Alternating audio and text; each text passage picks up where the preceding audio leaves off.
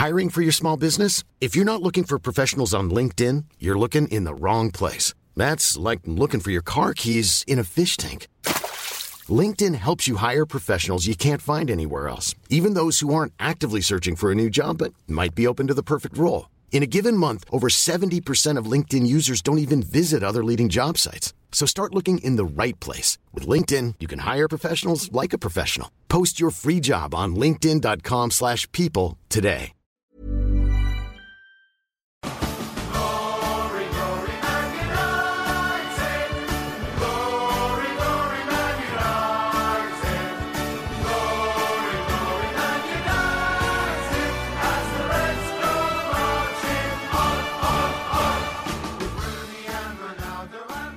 Halo semuanya, ganteng-ganteng Manchester United Podcast. Akhirnya kita kembali dalam episode setelah ya akhir pekan yang cukup tidak menyenangkan ya. Kalau gue sih expected sih, men. Kenapa expected itu? Gue, karena Saint Mary itu salah satu tempat yang sangat susah sih. Gue lupa kemarin waktu bilang 8-0 tuh mainnya di Old Trafford anjing.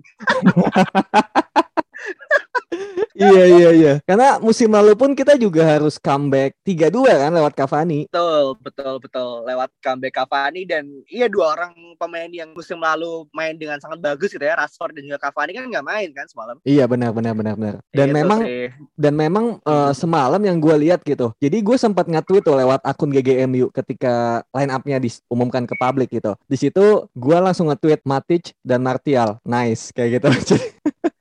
dan, dan ternyata memang dua orang itu menjadi apa ya terutama Martial jadi badut ya gitu di pertandingan itu gitu.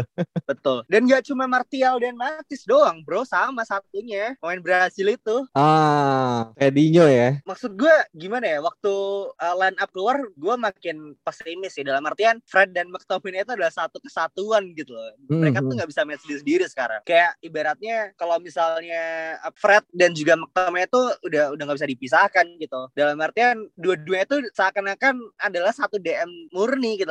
Dalam artian kalau misalkan satu nggak main ya kayak main dengan satu kaki doang. Hmm, iya ya. Dan memang kemarin kalau gue lihat ya, Fred itu sebenarnya udah gue jelasin juga sih di episode sebelumnya. Yang mana kelihatan juga kan gimana Fred operan-operannya itu nggak bisa nyampe ke depan gitu. Dia agak Betul. sloppy dan juga eh, agak panik gitu kan. Dan satu lagi Matic kita lihat juga operannya lumayan gitu. Cuma dia sering kehilangan bola juga gitu. Dan kalau kehilangan bola tuh dia udah nggak bisa ngejar lagi. Udah langsung kayak kakek-kakek gitu loh, langsung diem di tengah, gak bisa mundur ke belakang. Betul betul anjir capek sih ngeliatnya. Maksudnya apa ya? Kalah di midfield tuh nggak enak banget men liatnya. Dalam artian eh, bola ke depan pun juga nggak bisa gitu. Berapa kali Bruno harus eh, ke belakang ngambil bola kan? Begitu pula juga dengan Pogba gitu. Sementara ada satu pemain striker di depan seolah-olah kayak "Eh, ini pemain nih kurang servis nih gitu. Martial nggak dapat bola banyak gitu. Gimana mau dapat bola banyak dia nggak mau turun ya kan? Ya betul betul dan tapi kalau ngomongin Anthony Martial ya. Itu kalau kita lihat di press conference-nya Ole kemarin bahwa sebenarnya Martial ini kan dimainkan untuk supaya dia bisa bergerak ke kiri dan kemudian nanti Greenwood bisa Oke. masuk dari kanan. Kan kayak gitu kan kalau kita lihat press conference-nya Ole kan. Ah. dan ternyata itu tidak bekerja dengan baik gitu. Yang mana Martial itu kalau kita lihat dia agak statis di depan. Dia nggak bisa ngikuti ritme permainan MU yang sangat cair gitu kan. Dan pada akhirnya dia, dia harus diganti sama Jadon Sancho. Menurut lu gimana nih? Sancho masuk di menit ke sekitar 60-an ya gantiin Martial. Itu cukup terlambat atau emang udah tepat tuh kayak gitu terlambat sih. Gue sebagai Ole ya, gue sempat mau nge-tweet sih. Sulit nih main dengan 9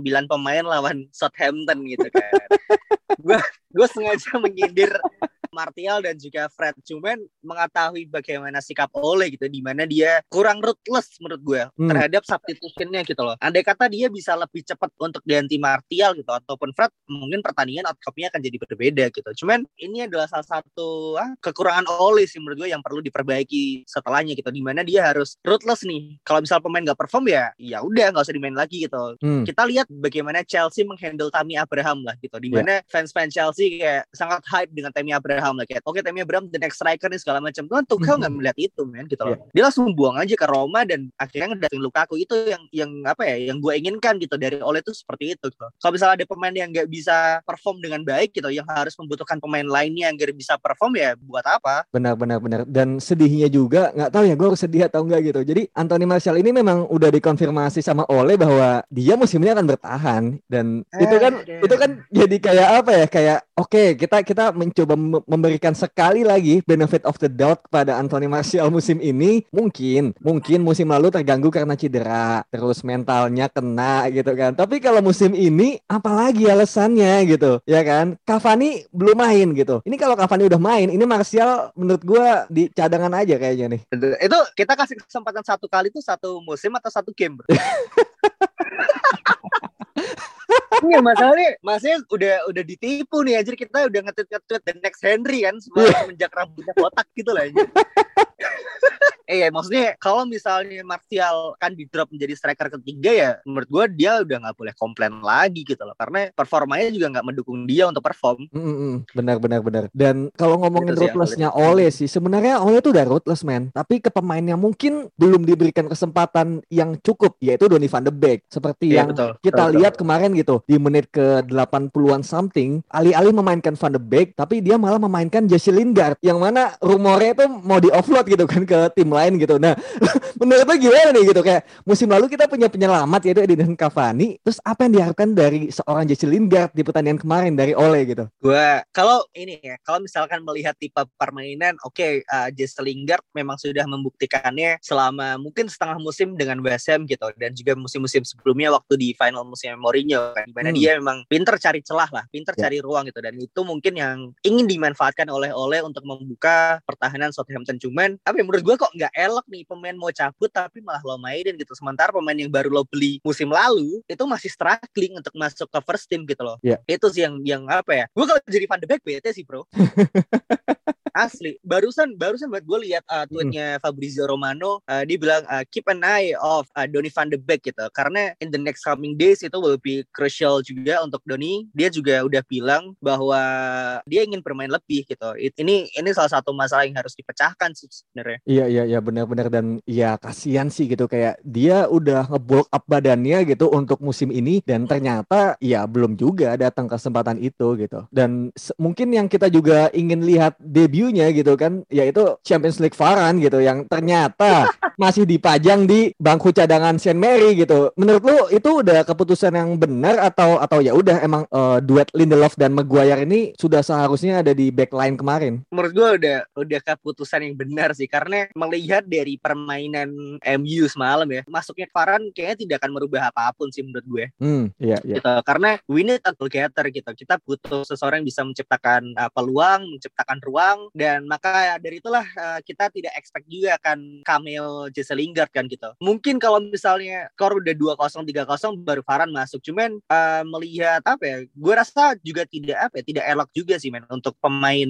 belakang gitu. Misalkan Lindelof ditarik keluar gitu. Padahal menurut gue dia kemarin juga tidak tidak tampil cukup buruk ya gitu. Iya iya. Pasti kan ada akan ada perasaan anjir gue kayak main gak jelek-jelek banget ya masa iya sih gue disuruh cabut karena uh, dia cuma pengen debut gitu loh. Iya iya iya benar benar-benar. Tapi uh, dari tadi kan kita udah ngomongin beberapa banyak ya banyak hal tuh semuanya negatif thing gitu. Mungkin mungkin kita coba Betul. bisa melihat uh, beberapa hal positif yang bisa diambil dari match kemarin. Yang mana salah satunya yaitu sebenarnya antitesis dari Anthony Martial. Jadi ketika hmm. Martial ditarik di menit ke 58 ya kalau nggak salah dan kemudian hmm. Greenwood dipasang jadi central striker. Itu permainan yang gue lihat itu langsung fluid gitu. Betul. Greenwood yang tadinya ada di kanan gitu yang mungkin agak-agak ter terisolasi ya sama gue lupa back kirinya siapa gitu. Dia tuh bisa ke tengah dan bisa jadi apa ya kayak mungkin pemantul gitu. Jadi buat build up itu makin enak di tengah. Dan itu sempat menjadikan peluang Pogba kalau nggak salah di babak kedua gitu yang tendangan agak melenceng. Yeah, yeah. Itu tuh gini oh, nah menurut lu apakah memang sudah seharusnya Greenwood itu bermain sebagai central forward musim ini? Udah sih, udah udah udah udah nggak ada alasan lagi sih untuk untuk Greenwood di drop menjadi bench atau bahkan menjadi pemain sayap. Kita lihat kemarin 50 menit pertama Greenwood di kanan nggak sebagus match match lawan Leeds kan men? Mm, iya. Gitu loh. Uh, karena apa? Karena Greenwood ini rajin banget drop untuk jemput bola gitu. Sama kayak Cavani. Betul. Sama kayak Cavani persis persis banget. Jadi inilah yang kurang gitu di di lini depan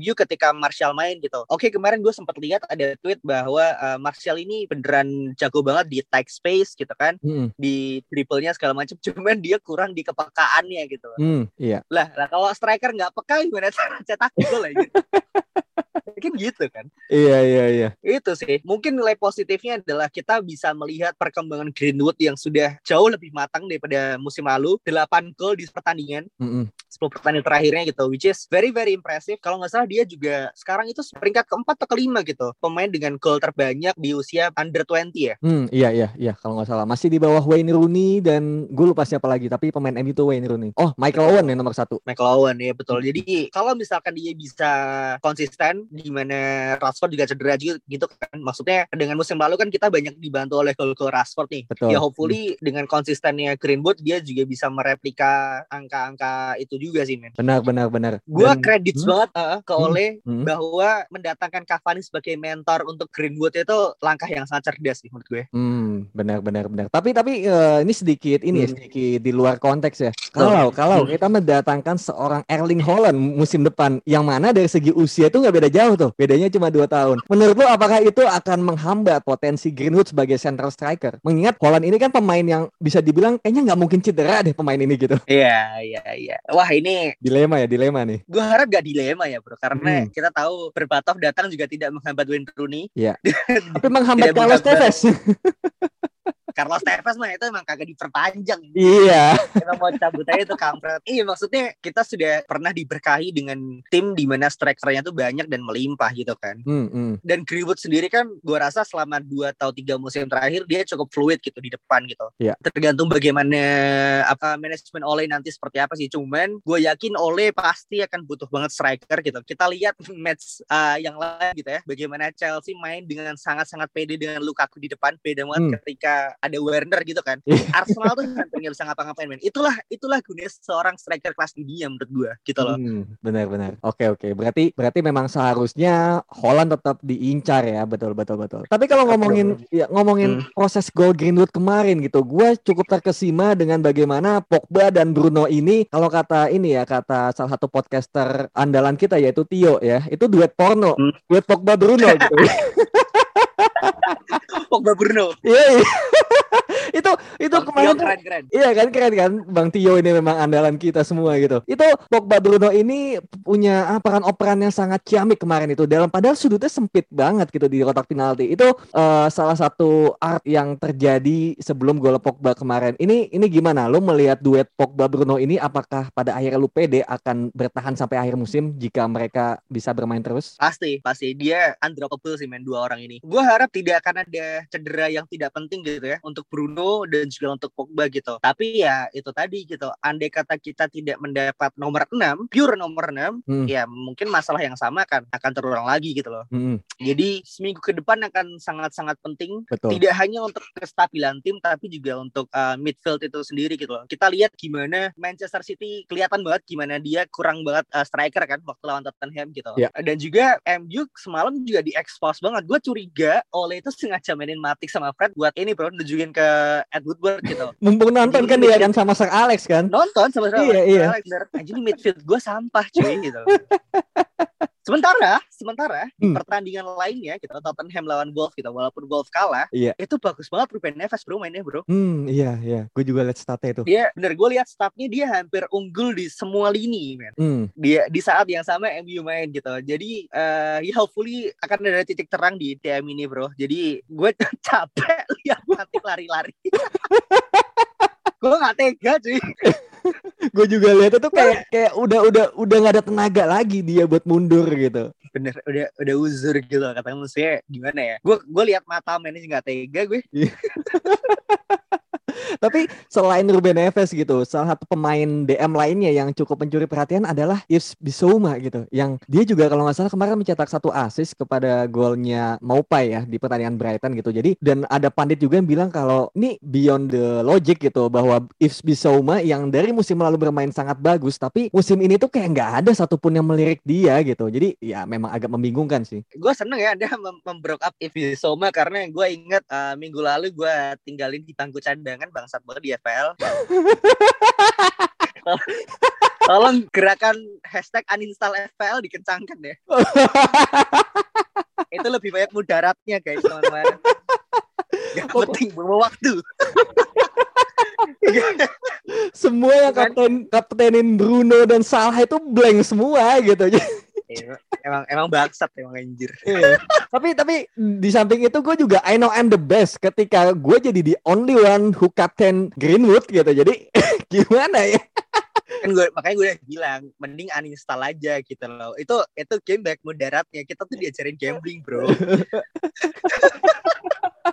Iya iya Iya iya. tapi Hmm. seriously maksudnya bener sih lucu aja kita if Bisoma main dengan sangat-sangat bagus dari musim lalu Hmm. hingga sekarang tidak dilirik sama sekali itu entah apakah dia tidak punya agen yang cukup baik gitu ya Hmm, hmm. yang tidak aktif menilik potensi pasar ataukah memang dia punya I don't know maybe attitude issue or something like that gitu Hmm. loh. Itu sih sebenarnya. Iya iya. Dan eh, selain Isbisoma juga mungkin yang kita bisa lihat ya dari akunnya Fabrizio Romano bahwa sepertinya Kamavinga ini sudah memainkan pertandingan terakhir ya kemarin gitu bersama FC Rennes gitu. Ini ini ini menjadi salah satu ini juga ya kayak berita panas gitu. Karena yang dibilang adalah PSG ini leading the race gitu. Meskipun kita tahu juga bahwa gelandangnya PSG ini udah numpuk banget gitu. Bahkan kita sebenarnya nggak tahu gitu. Ini belum ada yang di offload loh. Masih ada Danilo, Herrera, Paredes gitu. Jadi Hmm. mungkin PSG bukanlah sebuah opsi yang baik untuk Kamavinga gitu dan ya opsi yang baik adalah ke Man United gitu kan. Karena Real Madrid pun gue yakin gak punya uang mereka gitu buat beli gitu. Betul. Ini kembali lagi sih. Ole tuh ngejar pemain yang emang pengen banget main ke MU gitu. Betul. Dan kalau misalkan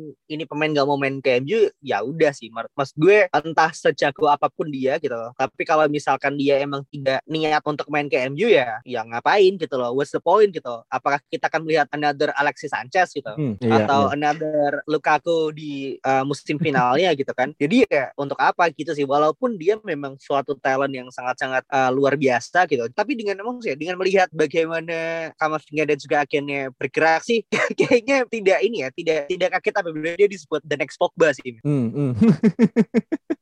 Iya, gitu. iya. Dia akhirnya benar-benar ngelihat gimana pasar tuh menilai si pemain ini gitu sih. Mm, mm, mm, mm. Iya iya. Cuma memang harganya kan dengan harga yang mungkin cukup murah ya 30 sampai 35 juta itu sebenarnya affordable buat Man United gitu. Cuma memang Hmm. balik lagi gitu kan kebijakan MU musim ini kan harus offload dulu yaitu Betul. eh, yang yang paling mungkin sekarang adalah Jesse Lingard gitu. Tapi tapi kalau ngomongin masalah offload pemain ya ini trivia sih bukan trivia ya eh, info sedikit bahwa malam di mana podcast ini direkam ternyata Brandon Williams itu sudah official on loan to Norwich City dengan biaya 2 juta euro atau pounds gitu biaya loan fee-nya ya. Dan ternyata memang gajinya itu semua di cover oleh Norwich. Itu bagus banget sih menurut gue. Gokil, gokil. Gimana Gokil. menurut lo Ah, melihat Brandon Williams ke Norwich? dia emang harus main terus sih men. Karena gue jujur gak tahu sih di mana posisi ter- terbaik dia gitu. Apakah di back kiri atau back kanan gitu. Back kiri jelas dia nggak akan ngedrop Alex Telles gitu. Kan Alex Telles juga gak akan ngedrop Luke Shaw kan gitu. Hmm, di sisi kanan ABB kayaknya akan main terus gitu. Entah entah Dalot akan akan ngecover di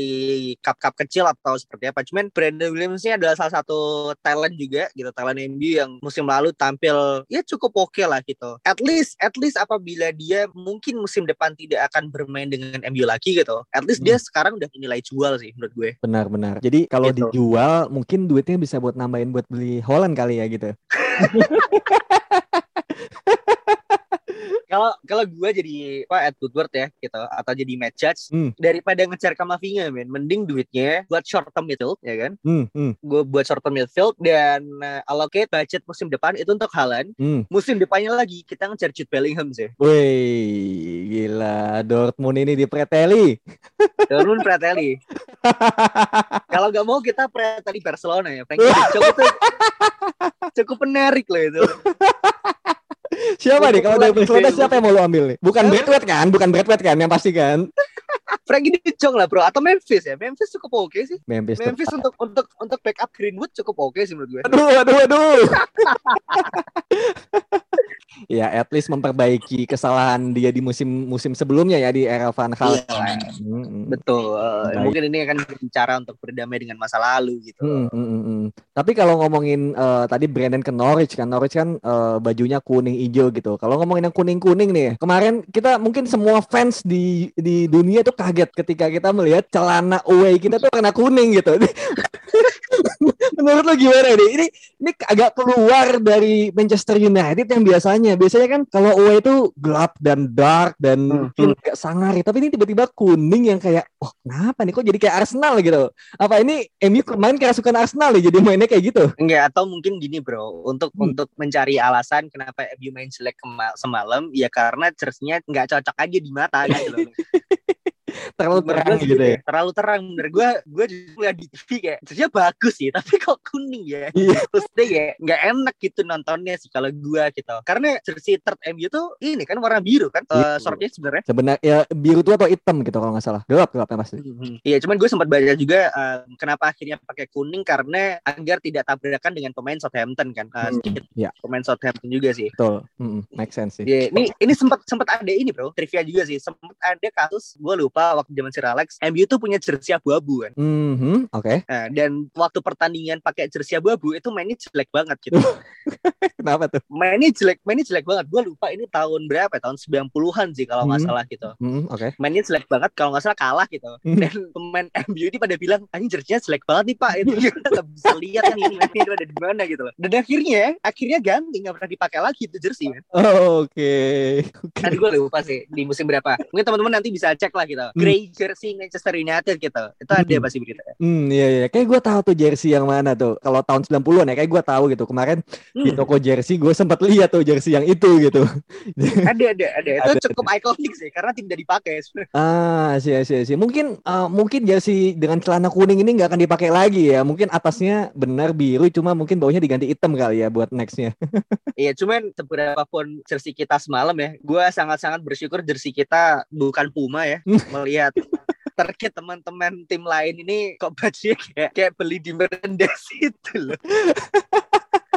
Itu itu aneh banget gitu. Jadi apa ya? Mungkin idenya adalah menggantikan logo dengan nama kali ya, Man, Man City gitu kan ada ada tulisan Man City atau AC Milan di tengah gitu. Cuma yang lucunya adalah kemarin ada uh, Fenerbahce kalau nggak salah ya. Itu dia habis golin dia nyari-nyari badge-nya mana gitu. Mau dicium itu nggak bisa gitu.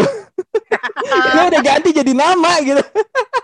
Katro sih, itu itu itu katro sih. Gitu. Nah. sih. Hmm. So, eh, ekspektasi lo untuk match selanjutnya apa nih? Hmm, match selanjutnya Dengan, berarti ah. melawan Wolves di Molineux Stadium ya. Gua rasa sih ya, gua rasa Ole di sini harus mencoba sesuatu yang bukan sesuatu yang baru sih, tapi mungkin melihat apa yang tidak bekerja kemarin gitu dan juga diperbaiki di pertandingan selanjutnya gitu. Salah satunya adalah jangan lagi memainkan Anthony Martial. Itu dulu nomor satu.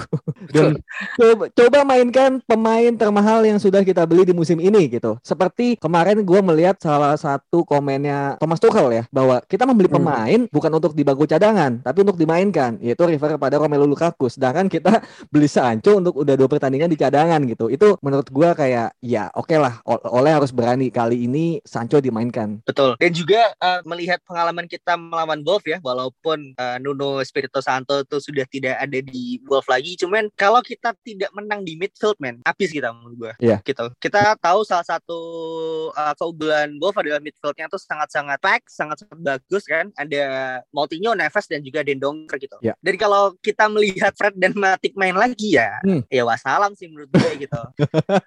Maksudnya, I think Matic is finished man Hmm, hmm, hmm. gitu loh. Gue harap gue melihat Tomine lagi uh, match ke depannya dan juga uh, betul apa yang lo bilang Sancho harus main, Martial harus uh, muhasabah diri ya, uh, menyadari segala kekurangannya dan apa yang perlu diperbaiki gitu. Uh, dan juga mungkin oh kita masih mulai- masih main away ya. Masih away, masih away. Ya, gue gue kok ini ya kepikiran Varane itu akan dimainkan di home stadium sih. men. Hmm, oke. Kalau home itu berarti after international break di match day keempat. Anjir, abis Euro masih international break lagi anjir. Iya, ini buat Piala Dunia. Semoga Iya, nggak itu cedera dia ya. sih. Semoga nggak cedera aja dia. Betul, mungkin kita akan melihat. I think Lindelof masih akan tetap main sih menurut gue. Hmm, hmm, benar-benar. Gua, gue juga setuju sama itu. Bukannya gua nggak mau Varane main ya, tapi kayak rasanya dengan dia baru main eh, satu latihan ya kemarin dan juga mungkin nanti dua kali gitu. Kayaknya untuk away match gitu agak agak ngeri gua tuh gitu. Karena CB ini kan masalah partnership ya. Ini bukan Betul. masalah satu dengan yang lainnya, tapi lu harus membangun sebuah koneksi dan juga chemistry dengan Maguire. Yang mana kalau misalnya belum ada itu cukup berbahaya gitu. Apalagi Raul Jimenez ini udah kembali dari cedera kepalanya. Betul, betul. Kita tahu bagaimana Raul Jimenez sangat-sangat luar biasa gitu ya sebelum dia cedera dan walaupun mungkin Lindelof tidak memiliki kemampuan aerial ability yang cukup baik gitu. Maksudnya kalau dibandingkan dengan Varane atau dengan Maguire gitu. Cuman yang lo bilang tadi partnership itu, chemistry itu gitu. Itulah yang perlu perlu dibangun oleh Varane dan juga Maguire mungkin di pertandingan-pertandingan yang apa ya? Mungkin minim resiko I guess gitu loh. Hmm, hmm. Seperti itu sih. Tapi dengan melihat kemarin kita drop point gitu, dua poin yang sangat-sangat disayangkan, gua nggak yakin Ole akan merubah formasinya dengan sangat radikal sih. Betul. Hmm, hmm, hmm. Ya kita sepertinya memang masih akan melihat formasi yang sama dan ya gua harap gitu. Uh, sepertinya Matic akan di drop gitu setelah per, uh, permainan kemarin gitu dan McTominay akan menggantikannya kembali dan sepertinya di luar itu juga nggak ada lagi sih. Semoga Sancho ya, semoga Sancho main dan gua sama gue yakin gitu. Ketika Greenwood menjadi central striker seperti melawan Leeds atau Southampton di babak kedua gitu, yang mana dia bisa drifting away gitu kan ke samping dan juga Bruno mengisi posisinya dan juga Pogba ya. Pogba ini harus main di sentral gitu. Maksudnya di LW tapi dia bakal bermain ke tengah gitu. Itu itu menurut gua bakal ya giving a havoc gitu buat pertahanan Wolves gitu nantinya. Betul. Setuju gue. Oke, teman-teman, hopefully match minggu depan akan dengan hasil yang lebih baik dan juga cukup sekian. Bye bye. Thank you semuanya. Yo. See you on the next episode.